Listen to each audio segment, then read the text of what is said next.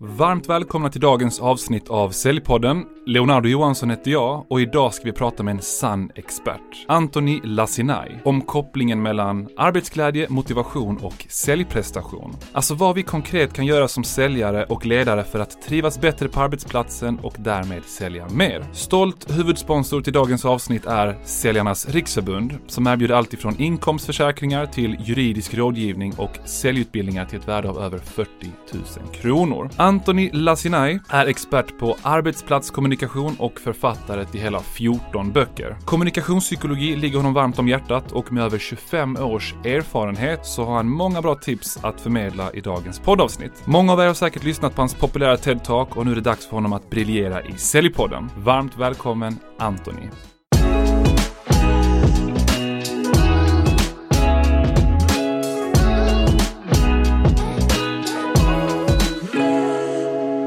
Jag vill säga Antoni, Antoni, berätta, vad föredrar du? Ja, på svenska säger jag Antoni. Okej. Och sen när det är engelska så blir det Anthony. Det är Anthony. enklare. Just det, ja. Gud vad häftigt. Hej, my name is Antoni säger man ju inte. det funkar ganska lite, dåligt. Ja, det blir ju lite sydväster där alltså. Ja, lite.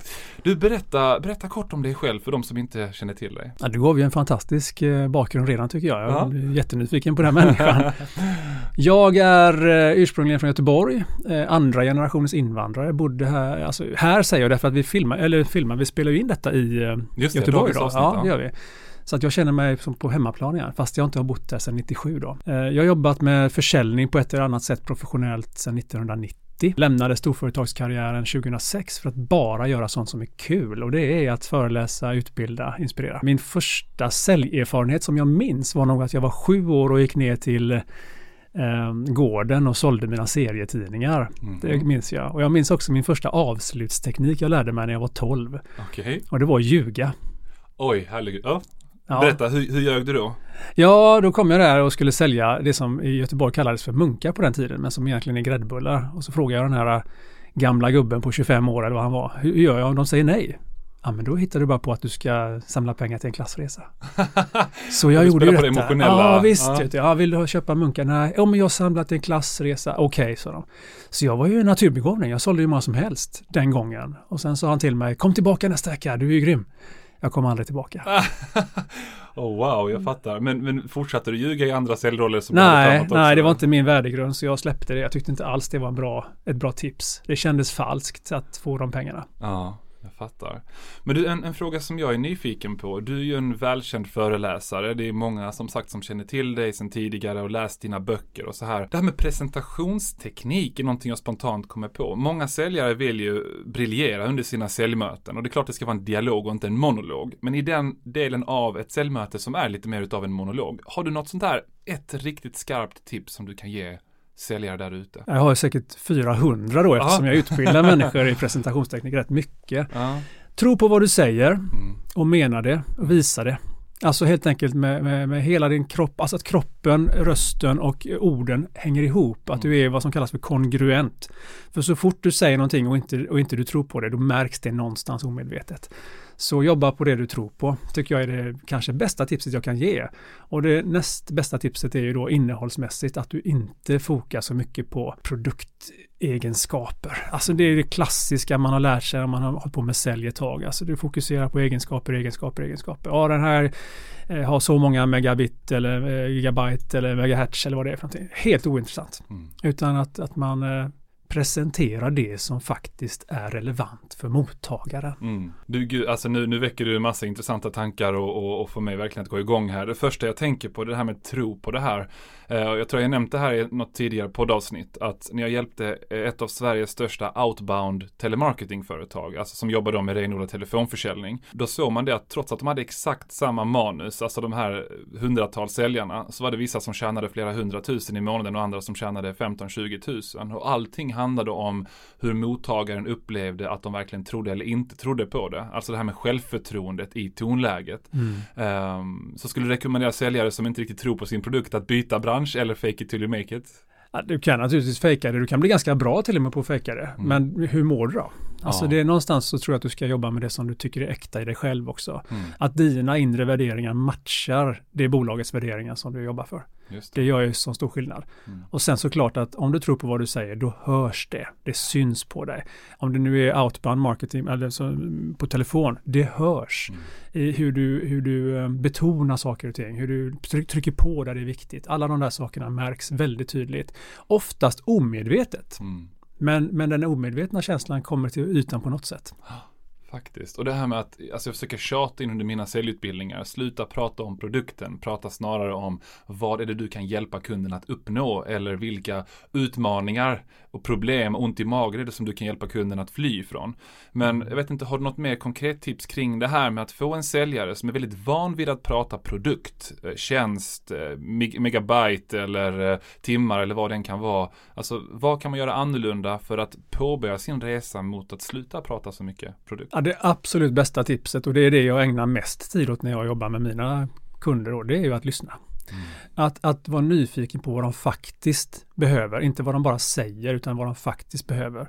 Om de säger att ja, men jag, jag behöver eh, nya fotografier, Säg, vi hittar på den saken, ja. jag behöver nya fotografier. Okej, okay, men vad ska du ha dem till? Ja, om jag ska ha dem till eh, eh headshots i min nya, eh, på min, på min webbsida. Okej, okay, okej. Okay. Och, och, vad är det som gör att du behöver nya? Att man frågar två, tre frågor till.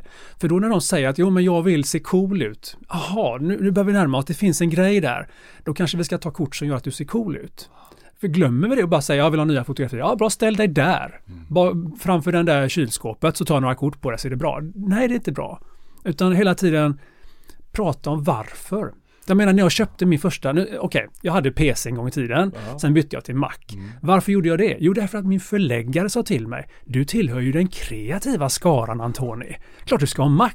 Därför köpte jag Macen. Om, om den här Mac-försäljaren hade pratat om sina fantastiska eh, hårddiskar och allt vad det var, jag, jag brydde mig inte. Det var inte intressant. Jag ville, vara, jag ville vara en del av den kreativa skaran. Så visa dig genuint intresserad, ställ följdfrågor. Då finns det säkert många där ute som säger att ja, men vissa beslutsfattare jag stöter på är inte jätteöppna för att besvara de här frågorna. Mm. Och då kan jag bara slänga in ett snabbt tips här att om du innan du ställer en fråga berättar om en annan referenskund som befann sig i en liknande situation och vad deras, alltså hur deras behovsbild såg ut, vad de värderade och sen ställer frågan, berätta, känner du igen dig i detta eller hur ser det ut för dig? Då släpper man ofta garden lite grann som kund och mm. vågar öppna upp sig om det finns andra som har varit i en liknande liknande situation. Så att, eh, ja men riktigt bra tips. Tack så mycket Antoni. Tack tillbaka. Ja, det, ja. Finns ju, det finns ju sagt mycket, men det, det, är väl ett par utav dem i alla fall. Bra. Jag tänkte nästa fråga här. Det är du som har utbildat en mängd säljare. Finns det något som du ännu inte har nämnt i det här avsnittet som du anser särskiljer de bästa säljarna från resten? Om man kan generalisera, om det ens är möjligt. Alltså jag har funderat lite på det faktiskt. Jag, jag jag kommer fram till flera svar där också, men, men, om vi ska försöka hitta något kort här så är det förmågan att balansera eh, resultat och relation. Mm. Att du har ett resultatfokus, för någonstans ska du åstadkomma ett resultat. Men också då ha en förmåga att bygga relationer. För om du bara fokar på resultatet och glömmer relationen, då blir du en krängare och ganska snabbt blir du manipulativ och falsk. Men om du om du då bara fokuserar på relationen men glömmer resultatet, ja men då, då kan du dricka massor med kaffe och äta massor med goda bullar men det händer ingenting. Men att kunna ha förmågan att, att ha de här två i balans, det tror jag är väldigt viktigt. Och helst hög balans, inte låg nivå utan hög nivå på båda två. Mm. Så det tycker jag är någonting som särskiljer många. Också som sagt var förmågan att kunna lyssna in och sen, och sen boomeranga tillbaka det de har sagt med att förklara varför just din lösning då hjälper dem med just det de behöver.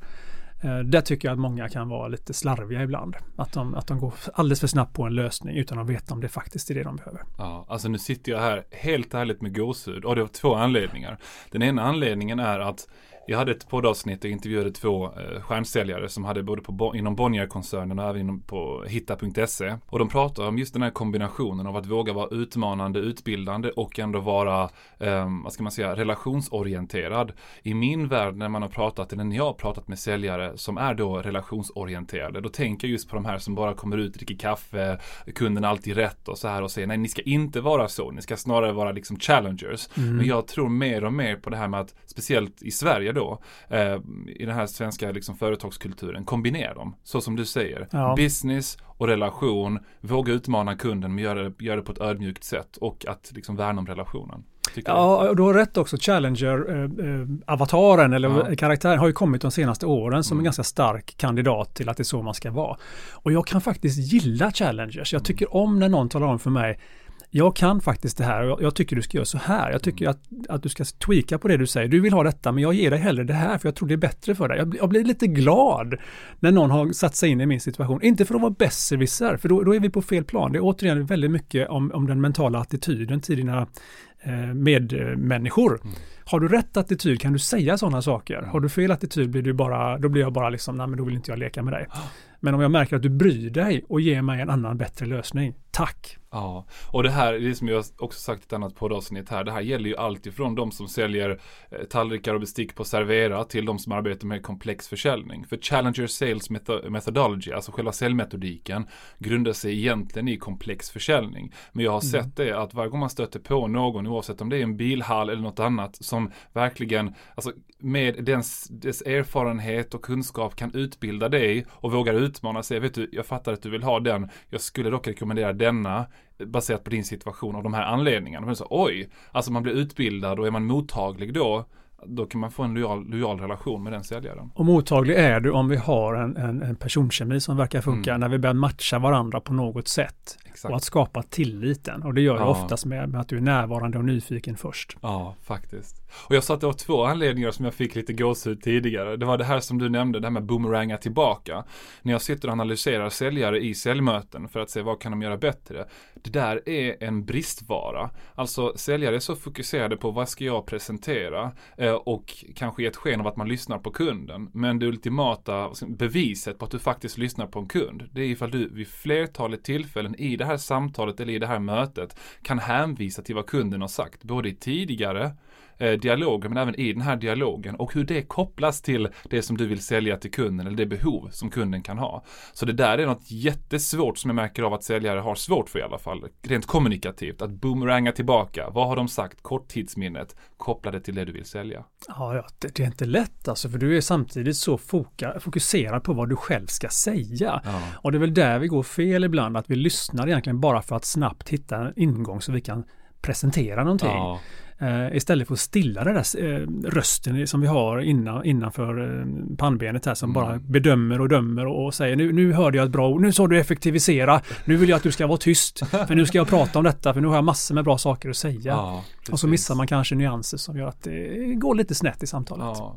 Och det här som du som är en superexpert inom psykologin, det här människans vilja att vara konsekvent med handlingar, det man har sagt, alltså om du då kan återupprepa vad kunden har sagt, då är det också ett större åtagande från deras håll och eh, lättare att få dem, eh, nu låter det här manipulativt, men dit du vill i processen för att kunna skapa ett värde för dem, såklart. Så att när du hela tiden, som sagt, återupprepar vad du har sagt och det kopplas till det vi säljer, det är en framgångsfaktor. Och jag tror att när du är inne på just det här med manipulativt så, så är det ganska spännande. För för mig handlar det om vad du har för intention. Mm. Och vad har du för attityd till människor? För om jag eh, och du pratar och jag märker att du behöver det jag kan erbjuda, då är det nog min plikt att försöka få dig att köpa det. Mm. Å andra sidan, om jag märker att du inte behöver det jag har att erbjuda, då är det nog min plikt att inte få dig att köpa det.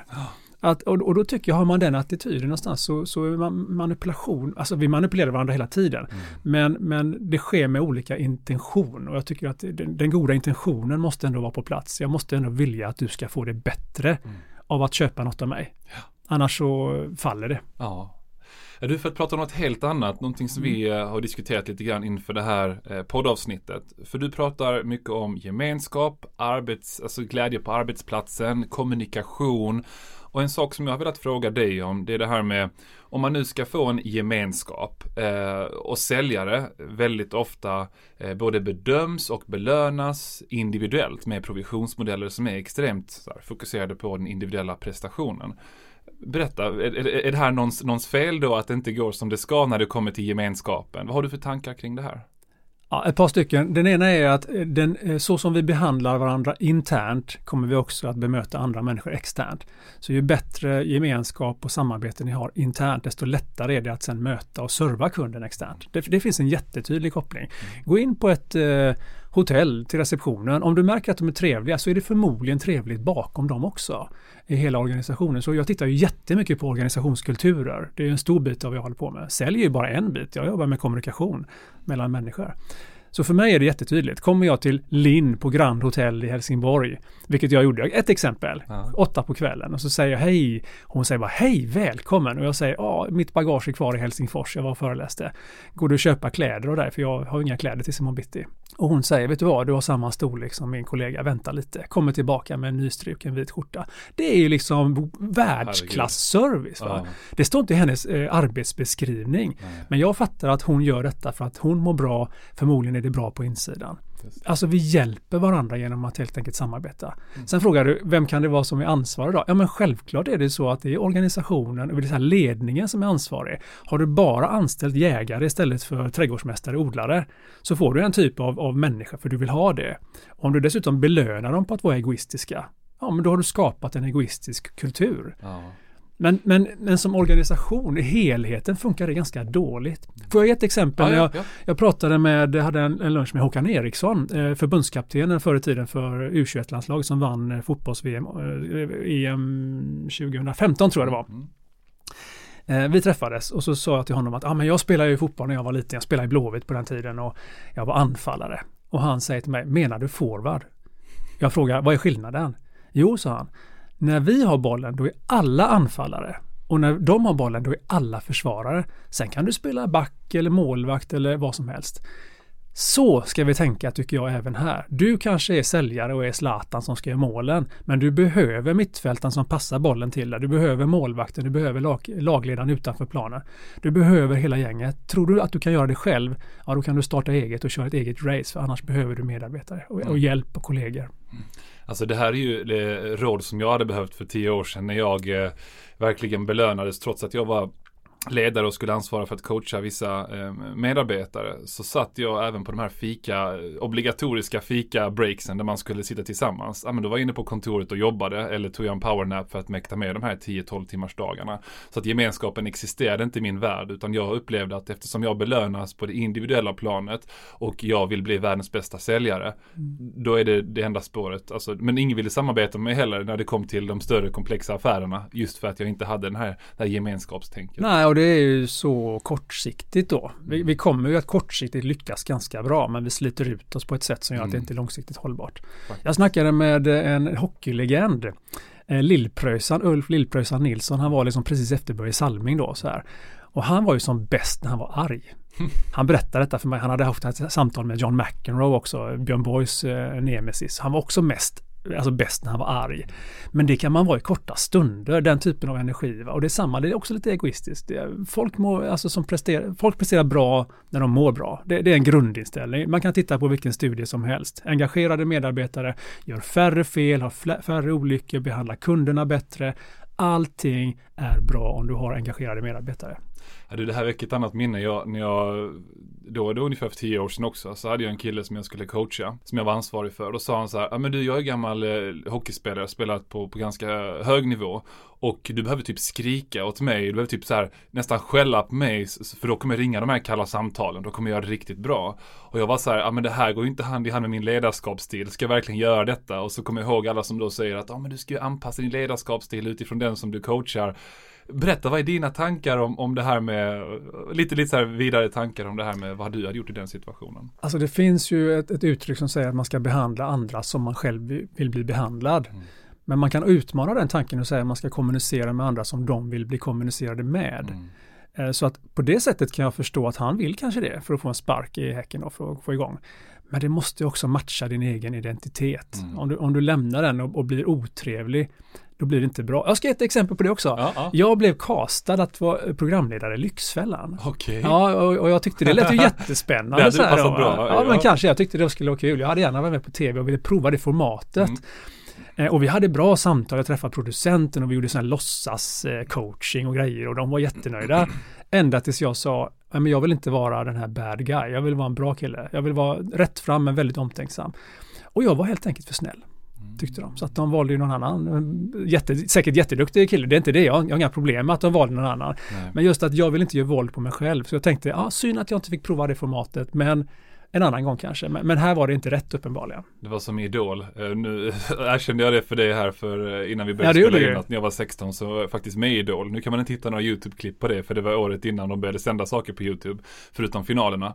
Uh, alltså juryn var ju så otroligt hård även om man gick vidare. Och nu i efterhand så är det ju flera juryn som du har sagt att ja, vi blev ombedda liksom att vara rätt hårda. Ja. och nu har de ändrat inställning helt i juryn. Men det är också att ja, det gör bra tv. Det var kanske därför de ja, men kanske. att det skulle vara hårdare. Men du är också inne på någonting som är viktigt och det är hur eh, motiverade medarbetare, om du är chef till exempel, och det finns ju då feedback, tre sorters feedback. Det mm. finns eh, eh, beröm, kritik och ingen feedback. Mm. Och det bästa är beröm. Mm. Alltså du får mest effekt om du berömmer någon för ett beteende, som, för då vill de göra om det beteendet.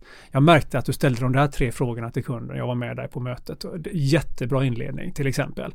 Eller, eller när du pratar om detta, eller ditt sätt att avsluta, eller vad som helst. Då kommer de göra mer av det.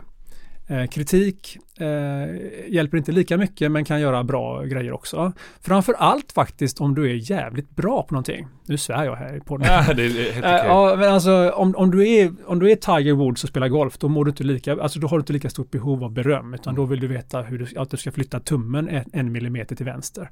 Men eh, för de flesta andra så är beröm bättre. Det sämsta man kan eh, få, det är ingenting alls. Mm. För då har du ingen aning om du är på rätt spår eller inte. Och så känner du dig utanför och får inte vara med riktigt så här.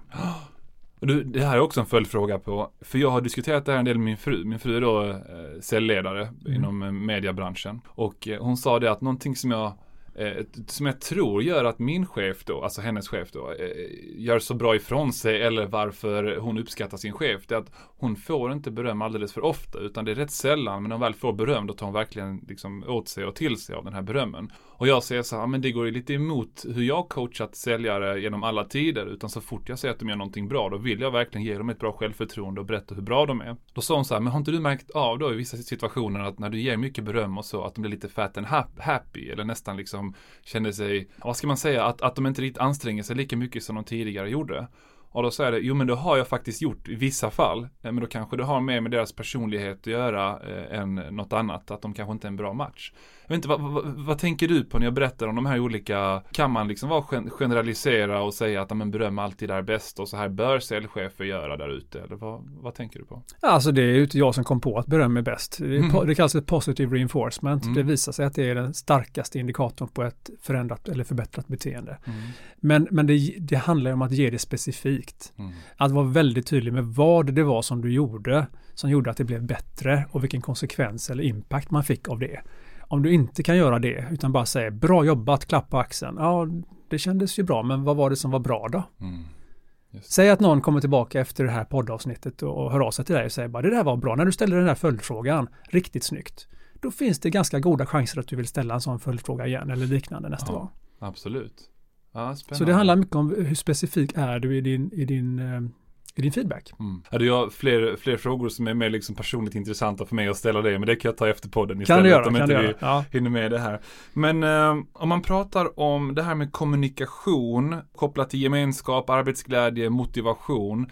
Finns det någonting du tänker på så här, okej okay, det här är ett misstag som jag har sett många säljorganisationer göra när det kommer till liksom, kommunikation eller till och med utebliven kommunikation. Så här, det här är en fallgrop man inte ska eh, se till att, att, att, att eh, besöka. Ja, om vi, om vi tar eh, framför allt skulle jag vilja säga sådana som eh, är på gång in i säljyrket. Som har, som har en stor iver och, och mycket adrenalin. De glömmer att fråga. De är rätt inne på lösningen direkt. Mycket sådär prata, prata, prata, prata. Mm. Jag kallar det för hårtorkseffekten. Man bara blåser någons baklänges så här då till slut.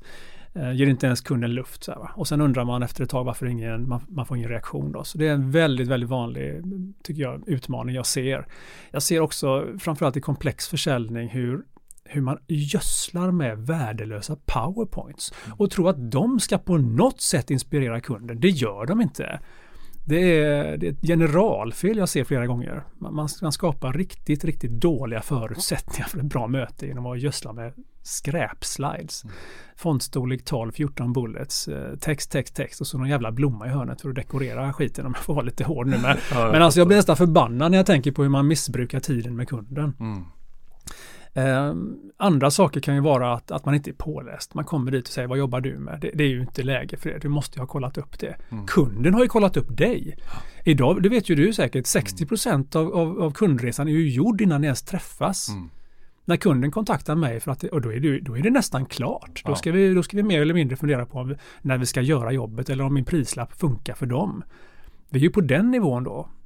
Det, det, det, det, är läge att vara lite mer förberedd tycker jag. Ja, det här med powerpoints, eh, det väcker lite intressanta tankar hos mig. För du säger så här, ja men 14 bullet points och massa text och en blomma i hörnet. Men om man bara arbetar med bilder i sina powerpoints, är det då, ja men det är mycket bättre. Eller säger du att strunta helt i powerpointen? Ja, alltså det beror ju på såklart vad det är för någonting. Ska du presentera för en större grupp människor mm. hos kunden, då kan ju powerpoint vara alldeles utmärkt. Verktyget är det inget fel på, det är bara hur vi använder det. Vi gör det fel väldigt ofta. Ska du jobba med PowerPoint så finns det något som heter dual coding. Det betyder att du har en bild som är relevant, ingen dekoration nu, inte den där blomman eller handslaget eller trappan, utan en, en relevant bild, sen kopplat till några nyckelord. Då får du absolut bäst effekt på minnet hos mottagaren. Har du bara text är det svårt då, då måste man omvandla det till någon synintryck eller så. Har du bara en bild så är det bara inspiration men du glömmer varför bilden fanns. Har du kopplingen båda två men spartanskt, minimalistiskt, då har du störst chans. Sen kan du lägga resten av materialet i ett Word-dokument som du ger till kunden eller en pdf eller en broschyr eller vad som helst. Mm. Eh, men sliden ska inte ta över, det är du som är ägare av innehållet. Mm. Jag, var ute hos ett företag eh, i förra veckan som jag coachar som säljer städmaskiner. Mm. Och eh, då sa jag det till dem att under ett möte, speciellt eftersom de ofta träffar en person eller två personer under sina möten, använd deras whiteboard mer och PowerPoint mindre. Okej, okay, men hur ska vi använda whiteboards? Vi har inget liksom tjusigt eh, system att visa upp eller rita upp liksom strukturen på och liknande. Ja, men det räcker med att du skriver upp. Det här är de fyra till fem vanligaste anledningarna till varför kunder väljer oss. För att de är en väldigt konkurrensutsatt bransch. Eh, och där fokuserar väldigt mycket på värdet de kan skapa. Och, eh, det de redan nu har märkt av det är att när de kommit, kommit tillbaka någon vecka senare här, de, vissa möten som de hade den här veckan eh, och som de även haft förra veckan, så uppföljningsmöten den här veckan, att det står kvar på deras whiteboards, alltså det de skrev i förra veckan. Så då blir man ju automatiskt top of mind också, förutom mm. det här pedagogiska med att man inte bara sitter med en skärm utan även visar upp någonting på en, på en ja, whiteboard. och gärna co-create, alltså man samskapar, få mm. kunden också rita på den här whiteboarden. Mm. Jag menar, ja, jag kan inte rita. Kan du göra en cirkel, kan du göra en trekant, kan du göra två streck då har du byggt en gubbe eller en gumma. Ja. Det är inte svårare än så. Man behöver inte överdriva förmågan utan det är enkla saker. En pil, ja. en, en, en, cirkel, vad som helst. Enkla saker. Faktiskt. Och man kommer ofta märka av det också att kunderna vill vara, när du säger co-create, engagerade i den biten också. Vissa mm. kunder bara ställer sig upp och börjar rita, men det här är de utmaningar vi har sett, eller så här ser det mm. ut hos oss. Och då har man en helt annan eh, dynamik i mötet. Eh, Eller hur? Jag menar, jag tycker inte om ordet deltagare längre. Jag har mm. tappat respekten för det ordet. Deltagare betyder taga del av. Mm. Jag vill ha delskapare eller samskapare, för jag vet att ju mer jag involverar mina kunder, desto mer kommer de tycka om att vara med mig. Ja. Antoni, jag vet att du i dina föreläsningar brukar prata om tre kommunikativa superkrafter. Vilka är dessa och hur kan säljare nyttja dessa för att sälja mer? Ja, de är tre stycken precis som du säger. Tretal är bra förresten, kan jag lägga till också. Ja. Man minns i tretal. Eh, den första är empati. Empati så att kunden känner att du förstår dem eller försöker förstå dem. Och det har vi varit inne på förut, det här med konsten att lyssna, ställa frågor och så vidare. Det är en riktig superkraft. Jag menar att du vinner affären här och inte i slutet när du går in på avslutstekniker. Det är för sent då. Har de inte gått igång vid det här läget och har inte du förstått dem vid det här läget så får du bara gissa dig fram till resten. Så empati är definitivt eh, en superkraft. Även för chefer ska jag säga, det här skapas lojalitet och tillit och allting. Den andra superkraften är tydlighet. Alltså att de förstår dig. Att du får dem att känna sig smart. Du vill följa en människa som känner sig smart. Om du är säljare och kunden upplever att de blir smart av att lyssna på dig och prata med dig, ja men det kommer att vara positivt. Eh, och här handlar det mycket om att ta bort en massa istället för att lägga till. Vi var inne på PowerPoint förut. Alltså minimera slidesen, ta bort, prata med dem. Använd storytelling istället. Mycket, mycket bättre. Om du kan prata som du sa i början här om eh, Ja men en, en, kund som jag hade innan gjorde detta och detta, hade de här utmaningarna. Det är perfekt. Det är storytelling. Ingen människa kan värja sig mot en berättelse. Ja. Man kan värja sig mot fakta men aldrig mot en berättelse. Speciellt om man bakar in lite emotionella delar i den här berättelsen. Ja, absolut, ja ja visst. Och den tredje är, ja den är energi. Att, eh, att kunden tror att du tror. det var vi inne på också. Varför ska de tro på det om inte du verkar göra det? Om du verkar lite blasé eller nonchalant eller nervös eller vad som helst så, så skapar det en, en, känsla hos kunden som inte är direkt positiv. Men om du är trygg och närvarande och, och tror på det du säger och det låter så och det märks så på dig i ditt kroppsspråk. Det är mycket icke-verbal kommunikation här alltså. Då kommer det att, att skina igenom och du blir som en magnet. Man dras till det för att du är en, en person som har utstrålar den här positiva energin. Just det. Och på tal om det här med empati och att få kunden eller motparten att känna att Eh, Eh, att man förstår dem. Alltså bara när jag sitter här och pratar med dig, hur du nickar, hur du kisar, alltså hur du, alltså hela ditt kroppsspråk tyder på att du lyssnar på mig. Alltså jag blir taggad av att prata med dig bara med tanke på hela din liksom aura. Så det är också en viktig del och inte bara ställa de här följdfrågorna utan även aktivt jobba med ditt kroppsspråk för att visa kunden att du är intresserad. Det är någonting många tror att man är bra på men som man kanske behöver jobba lite mer på, eller vad säger du? Ja, alltså jag har en sån övning ibland där jag helt enkelt säger till en person, du ska prata om din nästa semester med all glöd det du kan. Och du som lyssnar, tittar bort. Verkar ointresserad. Alltså det tar inte lång tid för en människa som pratar slutar prata. Mm. Bara som en sån här väldigt tydligt exempel. ja, precis. Den, den övningen ska jag testa på min fru faktiskt. hon kommer bli jätteglad. Ja, Något. ja precis, ja. exakt. Ja, men det är bra. Eh, coolt. Och sen så, du har ju en samtalsprocess också som jag hört dig prata om på någon föreläsning. Berätta, vad, vad är det här för någon samtalsprocess? Ja, men det var, när jag, när jag lämnade den här storföretagsvärlden tänkte jag, nu håller jag på att utbilda bland annat säljare och andra. Eh, hur gör vi det på ett enkelt sätt? Om du inte är så van till exempel, ja, då kommer jag på något som jag kallar för no show go. Och på svenska blir det veta, visa, våga. Så, och det, den, är ganska, den är väldigt enkel i sin natur. Först behöver du veta, sen ska du visa och så småningom ska du våga. Mm. Det, det, det, är inte komplicerat, mer komplicerat än så, men däremot så ligger det mycket under sen förstås. När man pratar om eh, veta-fasen så handlar det återigen mycket om frågeteknik, eh, tre nivåer av lyssnande, alltså följdfrågor, strategiska frågor, taktiska frågor, alla de där sakerna ligger där. Eh, och sen är visa, argumentationsteknik, eh, presentationsteknik, eh, allt det där. Och sen våga, då handlar det om att lista ut vad kunden har för beslutsteknik och sen matcha den att, att, ta det steget, att inte släppa taget där när du är så nära. Så det är egentligen den enkla processen då. Häftigt. Du, jag tänkte vi, vi, jag hade kunnat sitta här med dig hela dagen. Det är så många spännande ämnen vi hade kunnat prata om. Jag skulle nog se fram emot att bjuda in dig till podden igen här framåt. Men en sak som jag vill fråga dig om, det är det här med kundbemötande. Vi pratade om det tidigare. Så du Grand Hotel i Helsingborg? Ja, det sa jag. Ja. Ja, jag outar gärna det. För jag, jag, jag bodde där igen nu för några veckor sedan när jag skulle till Helsingborg. Det var, det var inget val. Det är klart att jag ska bo där. det spelar ingen roll ifall det kostar lite extra. Det är som, eh, jag kan bara, innan jag ställer en följdfråga på det här så Bauhaus, alltså jag, när jag bodde i Stockholm så, så har jag inte jag köpt jättemycket från Bauhaus för Hornbach, det, det låg lite närmre.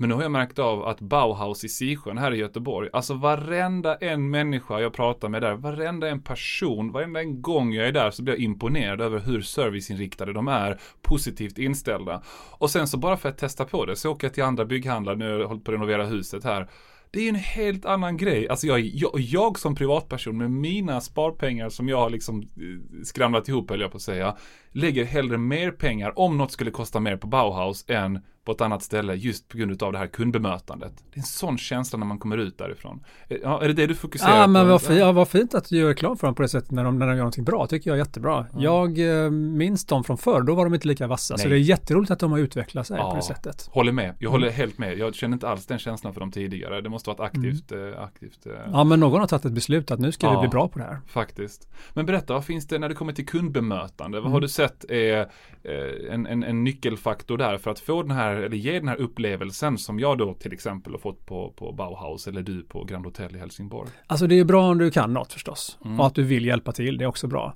Ja, alltså ribban är ganska låg. Mm. Alltså erkänn en annan människas existens. Jag fick mitt första jobb för att jag var den enda, det var ett jobb eh, i en sån här butik, en kontorscash, man sålde game och gummiband och blanketter och sådana mm. saker. Och jag frågade chefen, varför fick jag jobbet? Jo men du var den enda som sa hej till oss.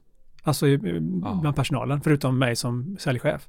Och när jag fick nästa jobb då, som, som jag blev uppraggad av, en, av en, en av mina kunder då från det här första stället.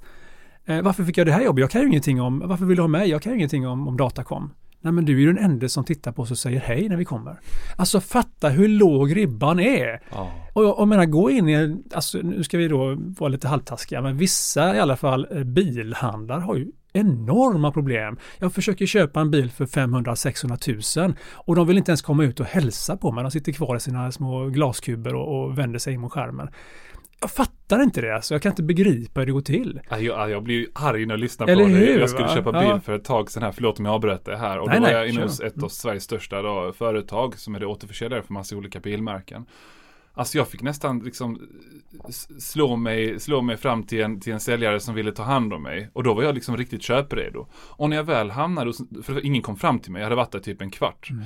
Och när jag väl kommer fram till en, nej men du ska nog prata med Niklas om detta. Eh, Nu hette inte han Niklas, men så gick jag till Niklas. Nej, fast jag är lite upptagen nu, kan du prata med Pontus? Alltså det var den tredje personen jag försökte som jag tog aktiv kontakt med.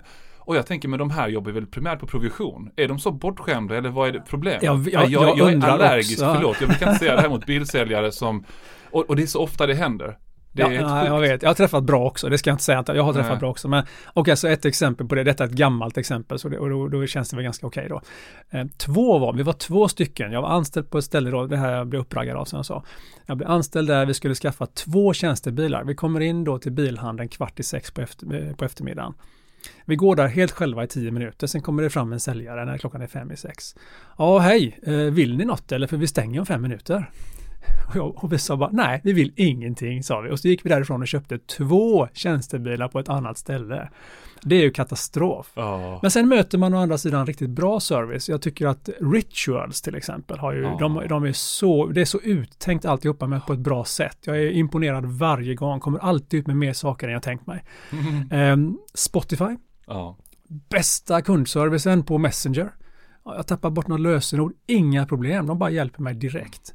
Eh, jätteimponerande. Det Ja. finns många ställen som är riktigt bra på detta. Faktiskt. Och det, det här skapar ju kundlojalitet på sikt också. Jag Ja, ja, att jag hade den känslan för Norwegian innan det blev kaos med Norwegian här. Det att, okej, hade jag ett par extra kilo i väskan. Alltså jag var inte ens orolig. För att varje gång jag åkte med Norwegian så sa de, "Ah, vet du vad, vi löser det till dig. Medan alla andra flygbolag, eller de flesta andra som jag åkt med, var väldigt så här, "Ah, nu ska du betala för varje litet eh, kilo.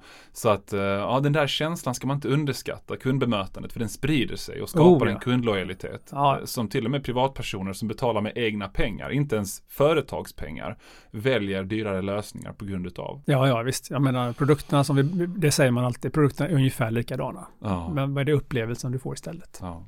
Så det är väl några exempel. Då. Ja, bra. Massa härliga insikter tack vare det här avsnittet tillsammans med dig Antoni. Eh, Jag tänkte fråga dig, har du något riktigt bra boktips till säljare där ute? Jag har tre, två egentligen.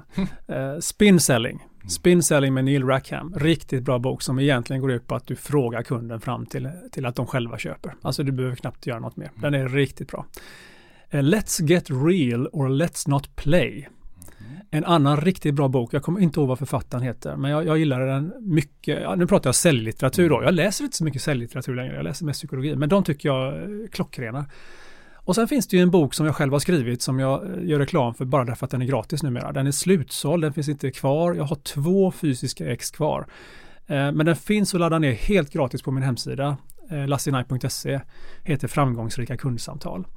Där jag har plockat mycket av faktiskt vad vi pratat om idag men, men också annat. Så att den, den, den är bara till att få. Den får du ladda ner gratis. Jag tror att jag får din mailadress, kanske lägger upp det på min månads, eh, mina månadsbrev eller något sånt där. Det är allt. Den ska jag lägga till som en länk här under poddavsnittet här på Spotify där ni än lyssnar. Ja, absolut. Och den är som sagt var, det är bara att ladda ner den. Men jag har faktiskt ett fysiskt ex kvar som jag tog med mig hit idag, Leo. Ja. Och jag tänkte att om du får någon lyssnare som berättar, om du får några lyssnare här nu som, som vill berätta om sitt bästa säljtips till dig, Mm. så kan du lotta ut den här boken sen. Jag kan, jag kan skicka den på posten till dem sen efteråt, så får de ett fysiskt exemplar. Det sista jag har tror jag. Så att, eh, Bra, ja, men gör så här då, ni som lyssnar, lägg till mig på LinkedIn, Leonardo Johansson. Jag tror att ni hittar mig ganska lätt där. Eh, och sen så skriv då att "Ja, jag hittar dig genom eh, Säljpodden och jag har det här riktigt bra säljtipset som du hade kunnat förmedla i podden eller på ett annat sätt. Eller ifall du känner att du, jag har inget bra säljtips men jag vill ändå lägga till dig Leonardo, så gör det så ska du få en liten eh, annan bonuspresent av mig eh, faktiskt. Titta där, nu blir det Ja, bonuspresenter. titta, nu, ja. händer, nu händer det grejer här alltså. Ja men eh, coolt, den här boken ser jag fram emot att låta ut till den som ger mig det bästa tipset. Eh, Jag har haft, ett, eh, jag har haft superkul med dig här Antoni och jag hoppas att vi får se det här i, i podden igen eh, framåt. Och jag skulle starkt rekommendera, nu har jag inte känt Antoni jättelänge, men hade jag haft ett företag, ett gäng säljare, jag hade starkt funderat på att anlita Antoni. Jag tycker han är riktigt, riktigt grym. Och då har jag träffat många experter och, och många duktiga människor i mitt liv. Så att det skulle jag faktiskt säga genuint att jag tycker att du är grym. Eller du. Ja, eller Leo. jag? Ja, Nej, men strunta i mig. Nu ska vi göra reklam för dig. Det, det, det, det tar vi en annan gång. Men okej, så att när man, om man vill ta kontakt med dig, är det då lasinai.se? L-A-C-I-N-A-I.se? Eller hur tar man enklast kontakt med dig? Ja, det, där finns ju alla kontaktuppgifter förstås. Annars är det mitt namn som är min, min mailadress. Kan du, kan du stava mitt namn så hittar du mig. Och jag är superaktiv på LinkedIn. Där delar jag kunskaper och insikter tre, fyra gånger i veckan om, om kommunikation och motivation. Så att häng med mig även där. Inte, så har vi en LinkedIn-kontakt till kanske. Ja, exakt. Vad bra. Ja, men då så. Då eh, vill jag passa på att, eh, att säga tack för dagens lyssnande. Eh, prenumerera på podden där du än lyssnar på den och ja, ha en riktigt härlig morgon, kväll, eftermiddag när du än lyssnar på detta. Ha det gott. Må bäst! Må bäst.